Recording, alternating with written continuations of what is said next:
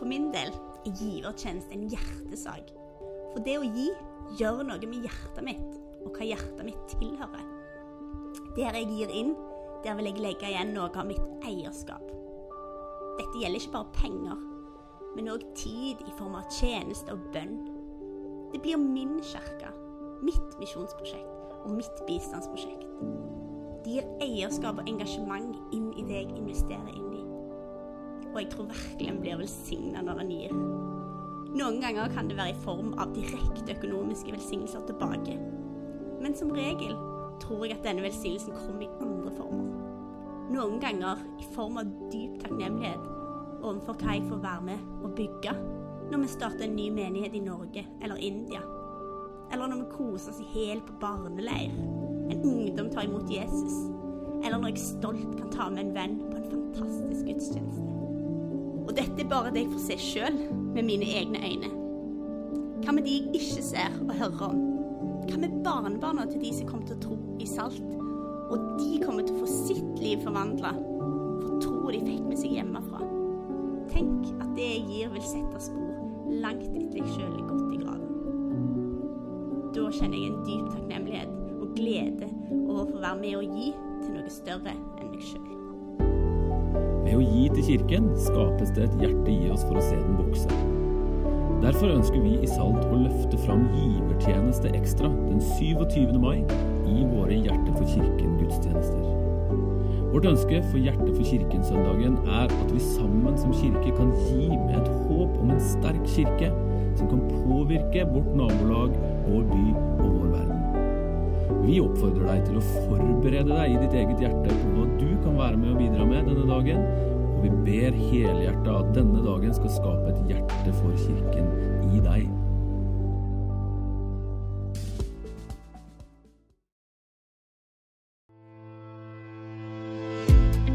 Takk for at du hører på Salts podkast. Vi håper den vil inspirere deg og utruste deg til en hverdag i etterfølgelse av Jesus. Du er alltid velkommen til våre forsamlinger, og akkurat nå starter vi opp i Trondheim og Skien i tillegg til de forsamlingene vi har i Hordaland. Sjekk våre nettsider for mer info. Og nå god lytting. Det er litt av en dag, eh, eh, dette. Det er, pinse, det er pinse i dag. Tre av fire nordmenn ifølge en undersøkelse som ble gjort her for et par år siden, eh, vet ikke hva pinse er. Så vi har en gedigen pedagogisk utfordring eh, i å klare å forklare hva pinse er. Og det var en prest som forsøkte med at eh, han skulle da få eh, en due, en hvit due til å komme inn i rommet når han sa 'Og så kom Den hellige ånd'. Og Han hadde avtalt dette med kirketjeneren, og kirketjeneren hadde duen. de var oppå der. Eh, og så talte han sånn, sto på, og så sa han, og så kom det, så skjedde ikke det noe. Så ble jeg litt frustrert. Han var mer tålmodig enn jeg er. Så, så, så sa han det en gang til, og så skjedde det ingenting. Og så kom kirketjeneren ut, og så sa han Katten har spist Den hellige ånd. Det er en gedigen pedagogisk utfordring å klare å få et gjennombrudd i å få nordmenn til å forstå hva pinse er for noe. Men jeg gjør mine små ting. Blant annet gikk jeg ut og så flagget jeg i dag. Dere vet at Det er en nasjonal flaggdag i dag. 20. mai. Pinse. Da skal du flagge. Vi hadde en fantastisk barnevelsignelsesgudstjeneste her klokken 11. Tre små barn. Det var helt nydelig. Så kjekt. Det er 25 barn som er født nå de siste, 29 barn som er født i kirken vår eh, bare siste året. Og eh, ifølge Sigurd Bekkevold, som er en av våre pastorer, så er det 13 på gang. Og det er ganske sjukt å telle det. Eh, men, eh, men, han har litt sånne ting. Eh, han er veldig opptatt av tall. og så hadde vi tre barn på, på internasjonal etterpå. eh, Som vi velsignet, og det var jo kjempegøy. vet du. Og eh, Siden det er pinsedag, så forsto de ekstra godt hva jeg sa når jeg eh, talte på norsk eh, der. Så har vi besøk her av pastor eh, Sakariassen og hans kone fra Færøyene på besøk. Skal vi gi en applaus til de? Dere må reise dere opp for å se på dere. Og så har vi datteren også her. Så de er på besøk. Det er veldig hyggelig. De leder en kjempesvær menighet på Færøyene i Torshavn der borte. Torshavn, ikke sant? Eh, Og vi traff hverandre eh, for et års tid tilbake eh, og har en relasjon in the making. I dag så skal jeg snakke om dette som har med pinse å gjøre. Og du som hadde håpet at du bare skulle komme på konsert med David André, den begynner altså klokken syv. Jeg skal tale først. Så, så men det er viktig for meg å, å, å snakke om dette. eh, at det er kirkens fødselsdag, og det er mer enn en tid i kalenderen. Påske kan du ha i kalenderen, men pinse må du ha med deg i hverdagen. Når Jesus hadde gått sammen med sine disipler i tre år, så gikk de med en forventning av at nå blir det revolusjon. Men Jesus kom ikke med en revolusjon. Jesus han kom med en annen måte å påvirke verden på. For dette, det var ikke slik at når han var ferdig med sin misjon her på jorda, så ble det et skifte fra den ene dagen til det andre. Når Jesus snakket om Guds rike, så sa han sånne ting som at Guds rike er nær. Guds rike er kommende. Guds rike kommer. Guds rike er her. Han brukte altså ulikt gradsspråk i forhold til det nærværet som Guds rike skulle ha. Og En dag så sto hans disipler med han, og så spurte de ham disse spørsmålene. Mens de var sammen, så spurte de ham, 'Herre, er tiden kommet da du vil gjenreise riket for Israel?' Og Så svarte han 'Det er ikke dere gitt å kjenne tider eller stunder som far har fastsatt av sin egen makt.' Men dere skal få kraft når Den hellige ånd kommer over dere. Og dere skal være mine vitner i Jerusalem og i Judea og i Samaria og like til jordens ende. Så det Jesus sier, det er ikke i morgen er det et nytt regime, men han sier det skal fases inn en fortelling til Jerusalem og til Judea og til Samaria og til Bergen og til Vancouver og til Shanghai og til Buenos Aires, så skal det komme et budskap en gang. Og 2000 år inn i den innfasingen så er vi her fortsatt i dag. Fordi at Guds rike utbrer seg i vår verden gjennom vanlige mennesker som opplever dette. At Jesus han blir viktig for meg. Og ikke nok med det, Gud gir meg en kraft også som gjør at når jeg snakker om han, så får det et gjennomslag til de folkene som får høre, og da begynner de å tro. Jeg er utrolig glad for å kunne være del av en kristen bevegelse som nå har vært i 2000 år. Som fra én snekkersønn i Nasaret har gått rundt jordkloden i hver eneste generasjon og nådd over to milliarder mennesker. Det er ganske så eventyrlig fantastisk. Og Det fins ingen bevegelse i verdenshistorien, verken ideologisk eller religiøs, som kan måle seg med det den kristne kirke har vært med på. Og noe av hemmeligheten deres, kanskje hemmeligheten, det finner vi i pinse. Erfaringen av at Guds nærvær kommer til vanlige folk sånn som oss og fyller oss, så at vi kan få lov til å få kraft. Sånn var det. Når disse folkene den første pinsedagen var samlet til et bønnemøte øverst i et rom i Jerusalem, i veikrysset mellom tre kontinent, så skjedde dette.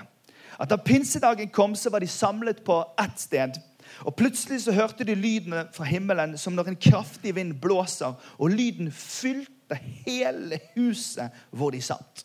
Tunger som av ild viste seg for dem, delte seg og satte seg på hver enkelt av dem. Og Da blir de fylt av Den hellige ånd, og de begynte å tale i andre språk ettersom ånden ga dem å forkynne. Og allerede her har jo jeg mistet noen av dere har jeg kommet til en nattklubb hvor de snakker om tungetale. Jeg må holde meg fast til han der David André begynner å synge.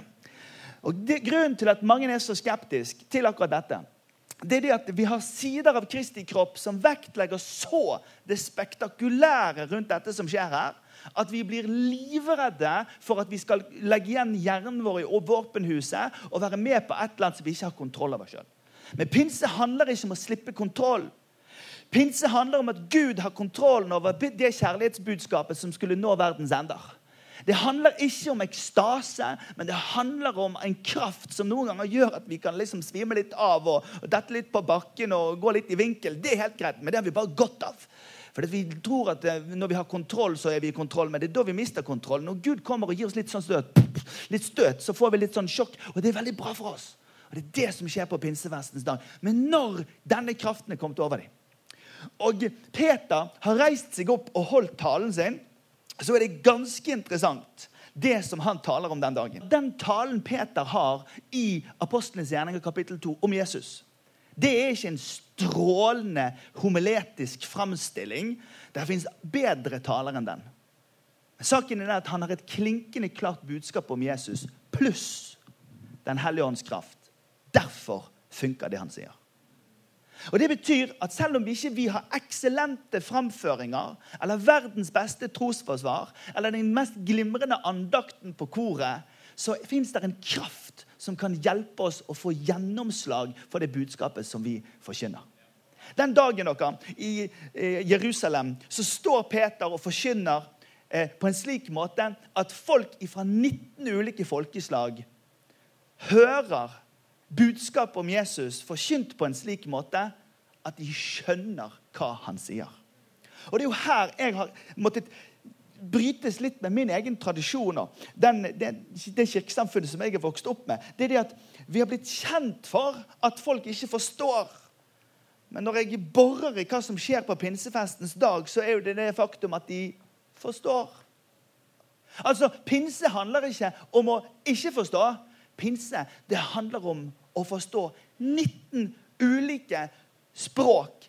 Forsto det Peter snakket om. Og det dere er fortsatt utfordringen vår i dag. Ola og Karin Nordmann har ikke sagt nei til Jesus. Men de trenger en presentasjon av han som gjør at det treffer. Og Den kan ikke bare være intellektuell, den kan heller ikke være bare kulturell. Den må ha en fire med seg. En fuego, en ild, en kraft som gjør at folk skjønner det som er i budskapet. Peter taler, vet du. Gir gass. Taler. Og så står det i vers 37 at det skar dem i hjertet. Og så spurte de dette spørsmålet. Hva skal vi gjøre nå?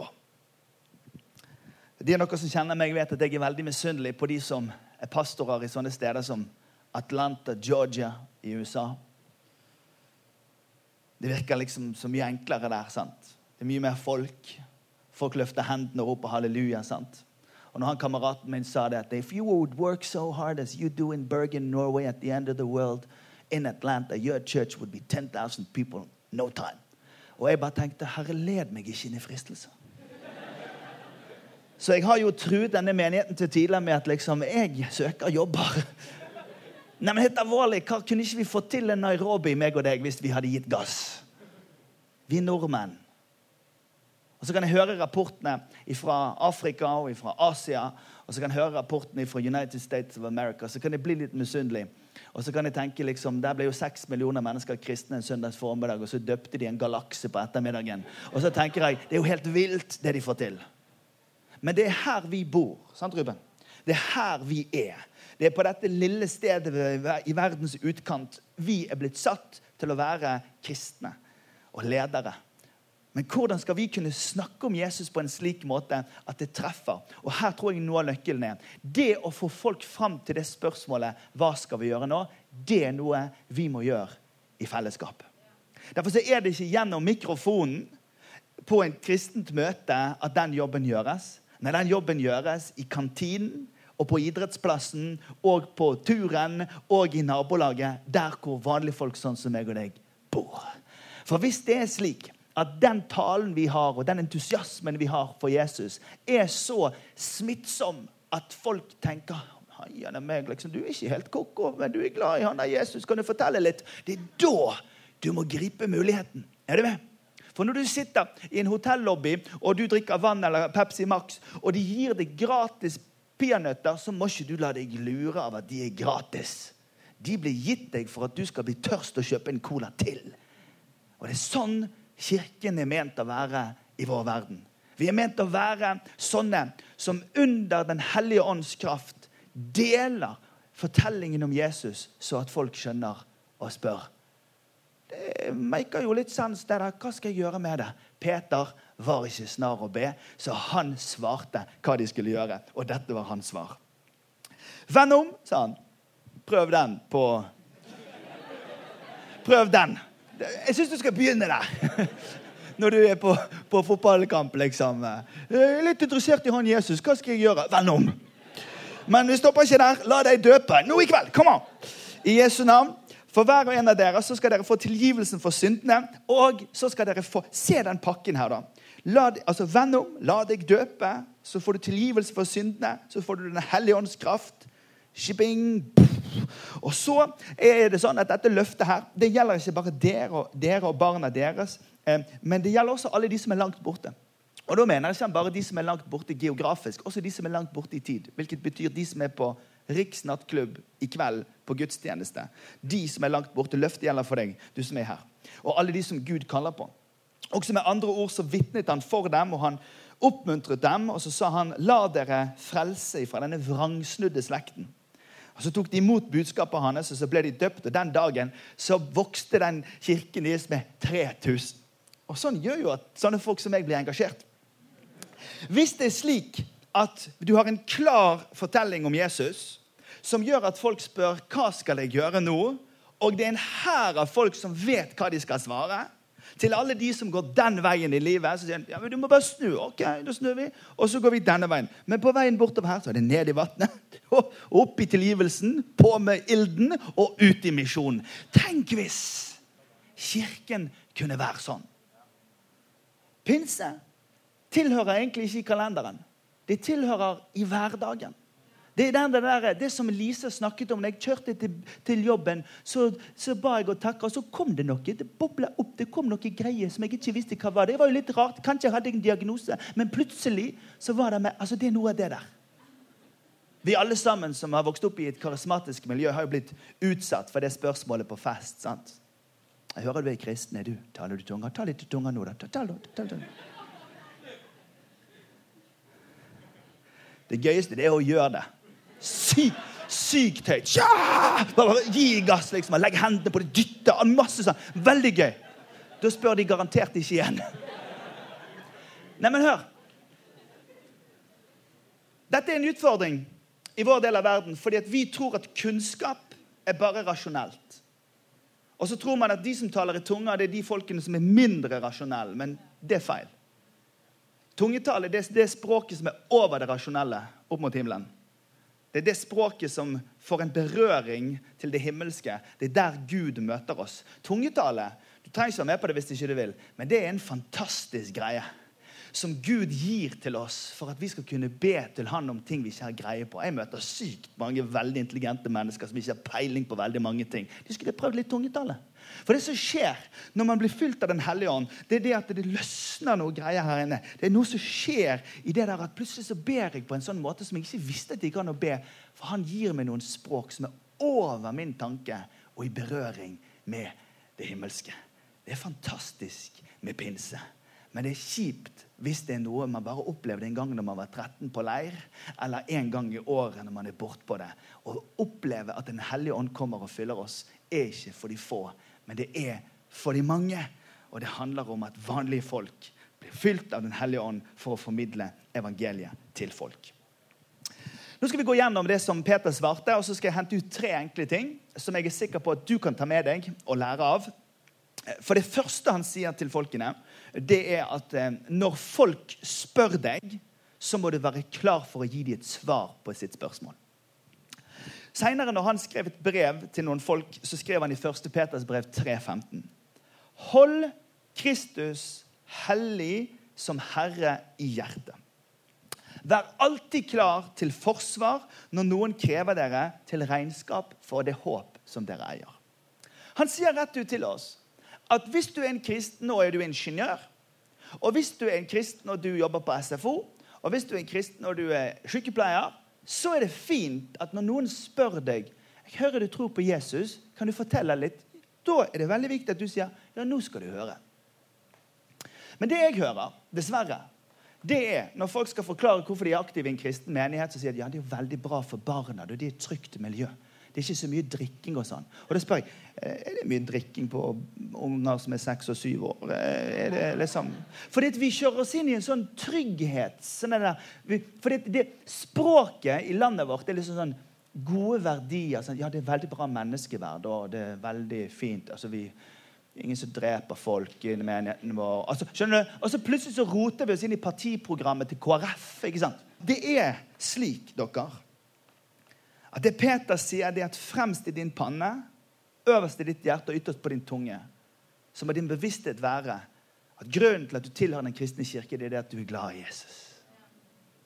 Og så må ikke vi rote oss vekk i alt det der fjasepratet for at andre skal like oss bedre. Jeg elsker når ingeniører som har kommet på en eller annen ventil som har gjort at Equinor har tjent milliarder av dollar, holder den ventilen i hånden sin og så sier Det er greit nok at jeg er sykt smart og har laget denne ventilen, men i forhold til Jesus som er hjertet mitt, så betyr denne ventilen svært lite.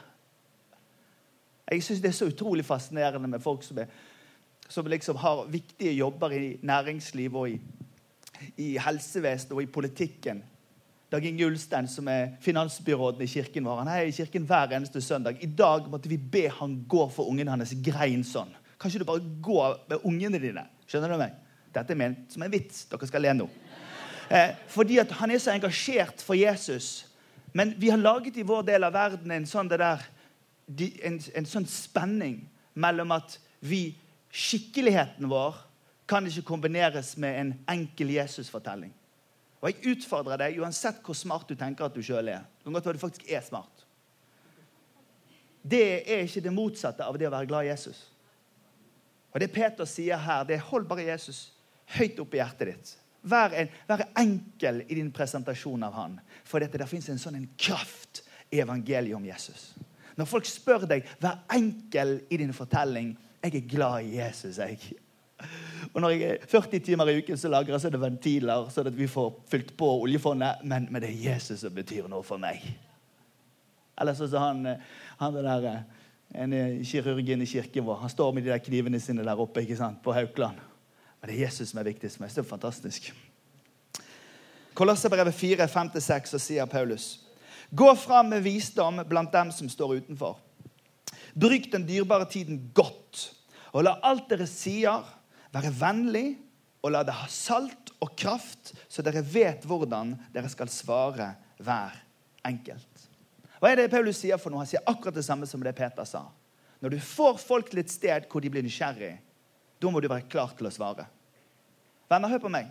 Grunnen til at vi i åtte år i denne kirken her ikke hadde julekonsert, det var fordi at jeg sa at hvis din venn er interessert i Jesus i april, og det eneste du er i stand til å gjøre, er å si ja, hvis du er interessert i Jesus, så har vi julekonsert.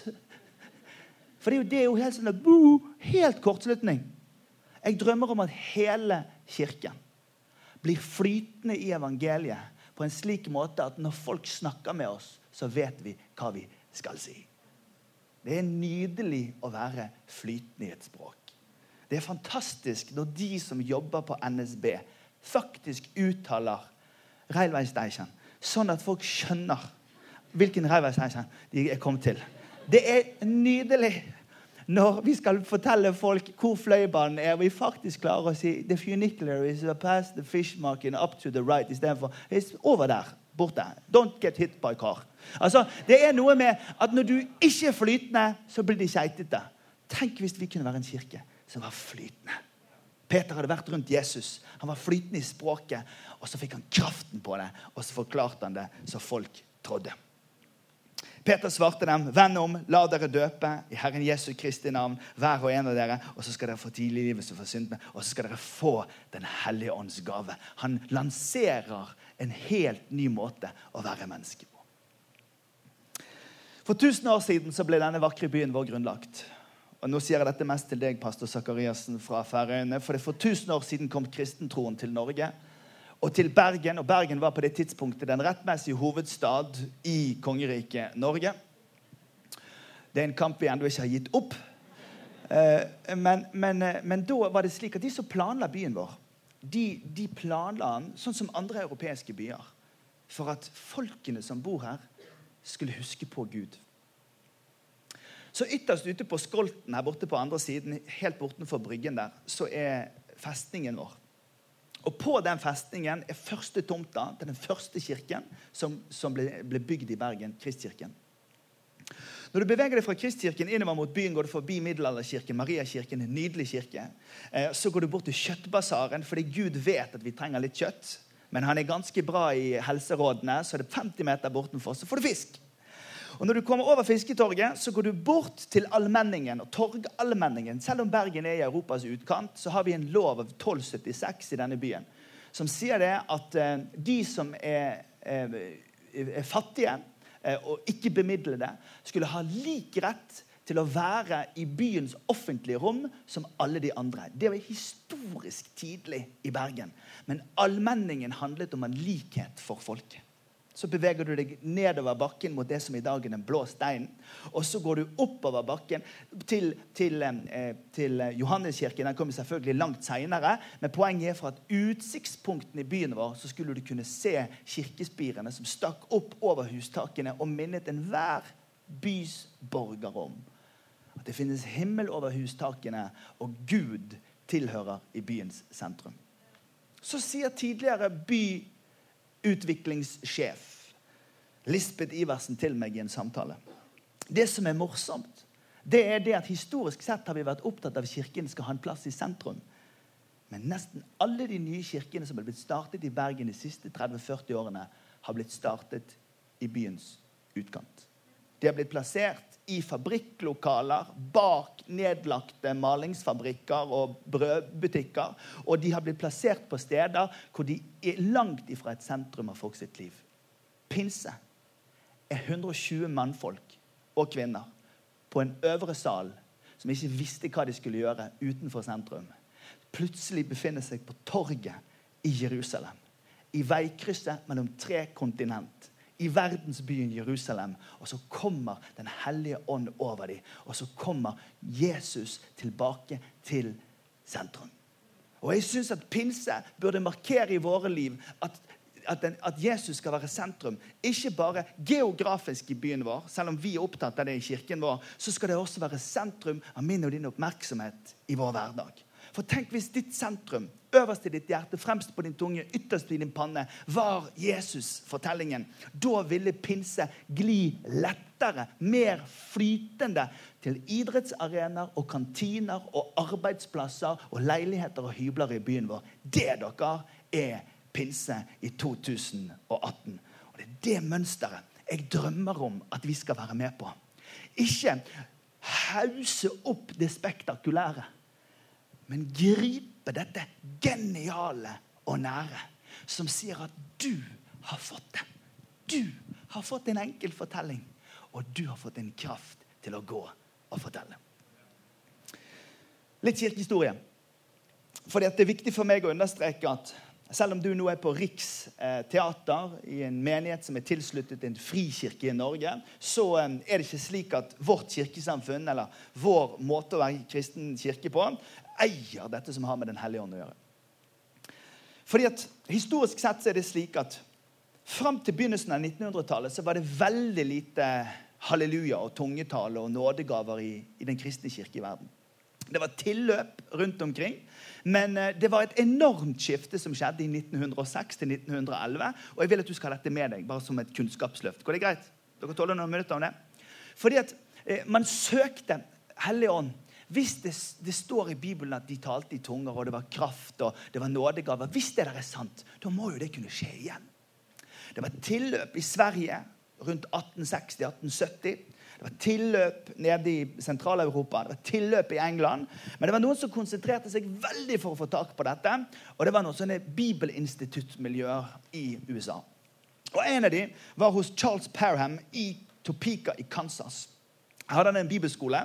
Det var ikke mange som var der, og alle var blenda hvite, de som var der inne. For dette var en tid i amerikansk historie hvor sorte måtte være utafor. De fikk ikke lov til å være innafor. Men det var én elev som sa det at jeg må bare få lov til å være med på denne skolen.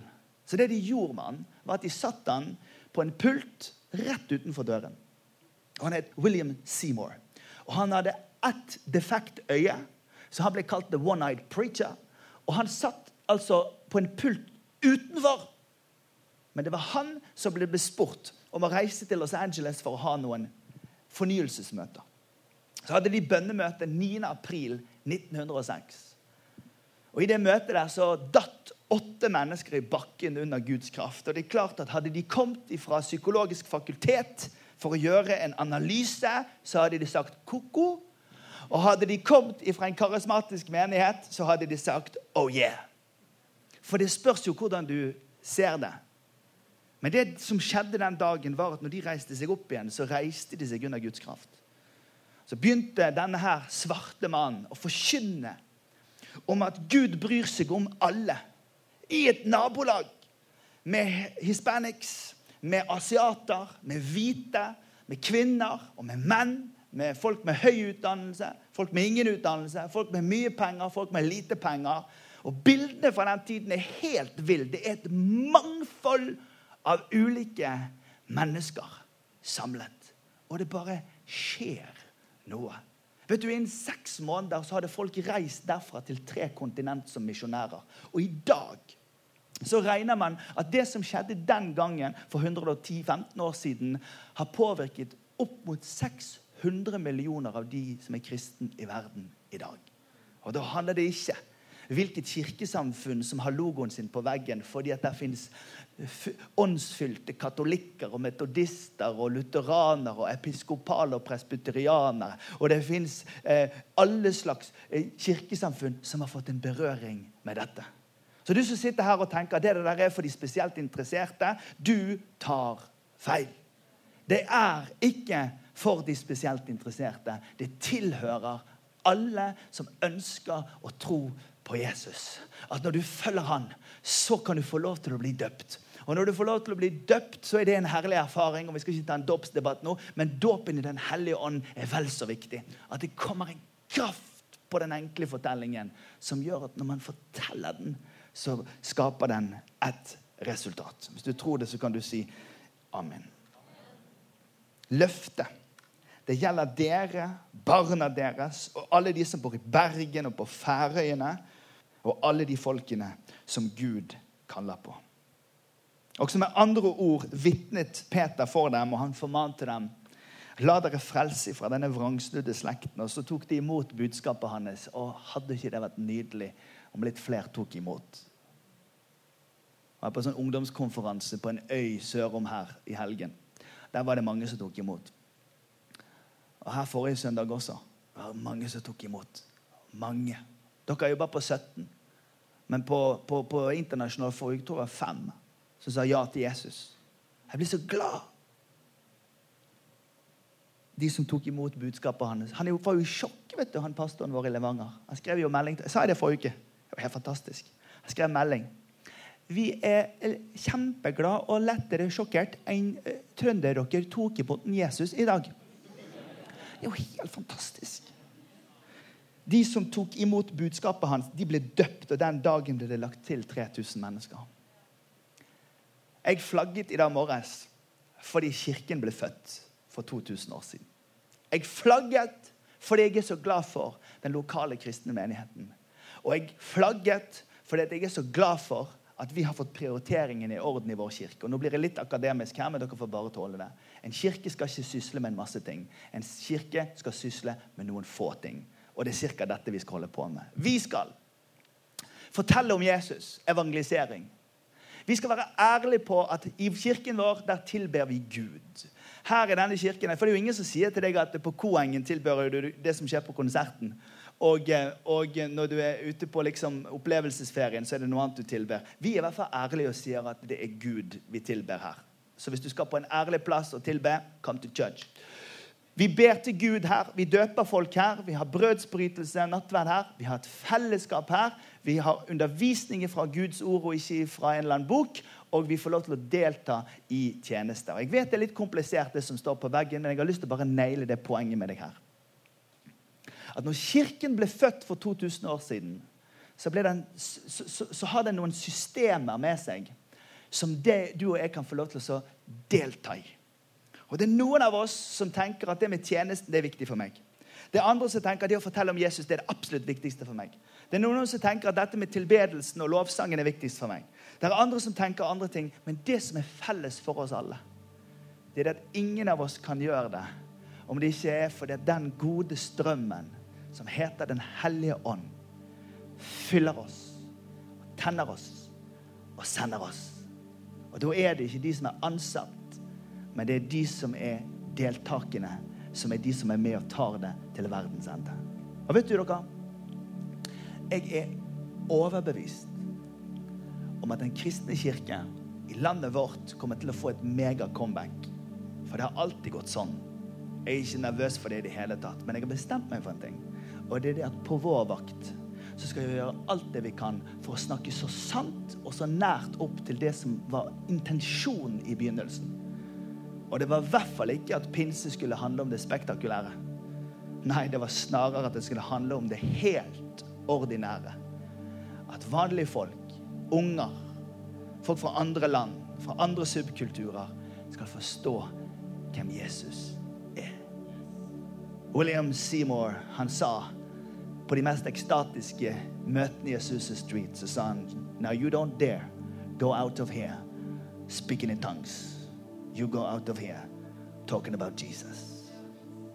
For det er ikke tungetall og det spektakulære som er vårt budskap. Nei, det er at du er elsket.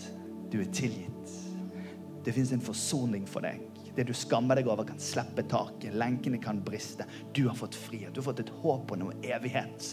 Og så må du gjerne stå der med den ventilen din som skal fylle på oljefondet vårt. Jeg er ikke så imponert.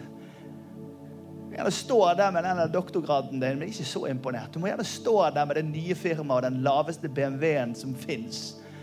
Ikke så imponert.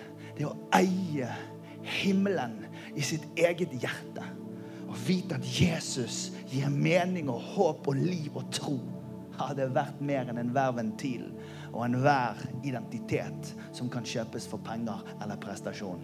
Det er evangeliet om Jesus, og det er pinse. Skal vi reise oss opp, og så skal vi be sammen. Herre, vi takker deg for pinse, og at det ikke er et kalenderpunkt, men det er et møtepunkt. Takker deg for pinse, at ikke det er nostalgi, men det er energi. Det er kraft ifra himmelen til å være slike som forteller. Herre, jeg ber deg om nåde over vår kirke til å ikke bli sånne gevinstsøkende, opplevelsessøkende entusiaster som springer etter sterke følelser. Men jeg ber om at vi skal lære av Peter i dag. At når kraften kommer, så holder vi oss til det viktigste, som er hvem du er, Jesus. Og når folk spør hva som skjer, så holder vi oss til det viktigste, Jesus.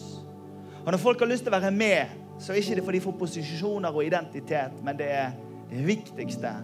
Det er kom og bli med i Jesus sin gjeng i vår verden. Jeg ber for menn og kvinner i dette rommet.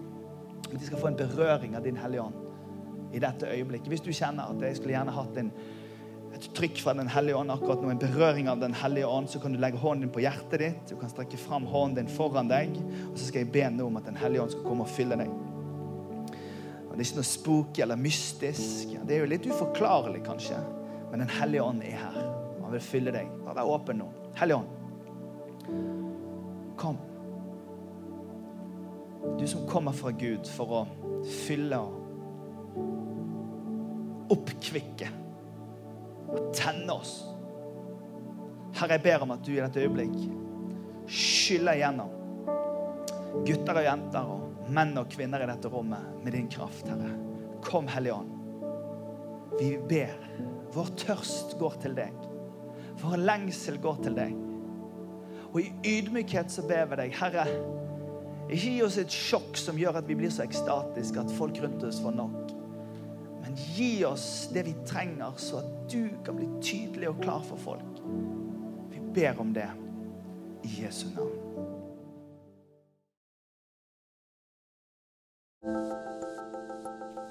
Takk for at du lyttet til podkasten til Salt. For å høre flere, besøk oss på saltbergen.no.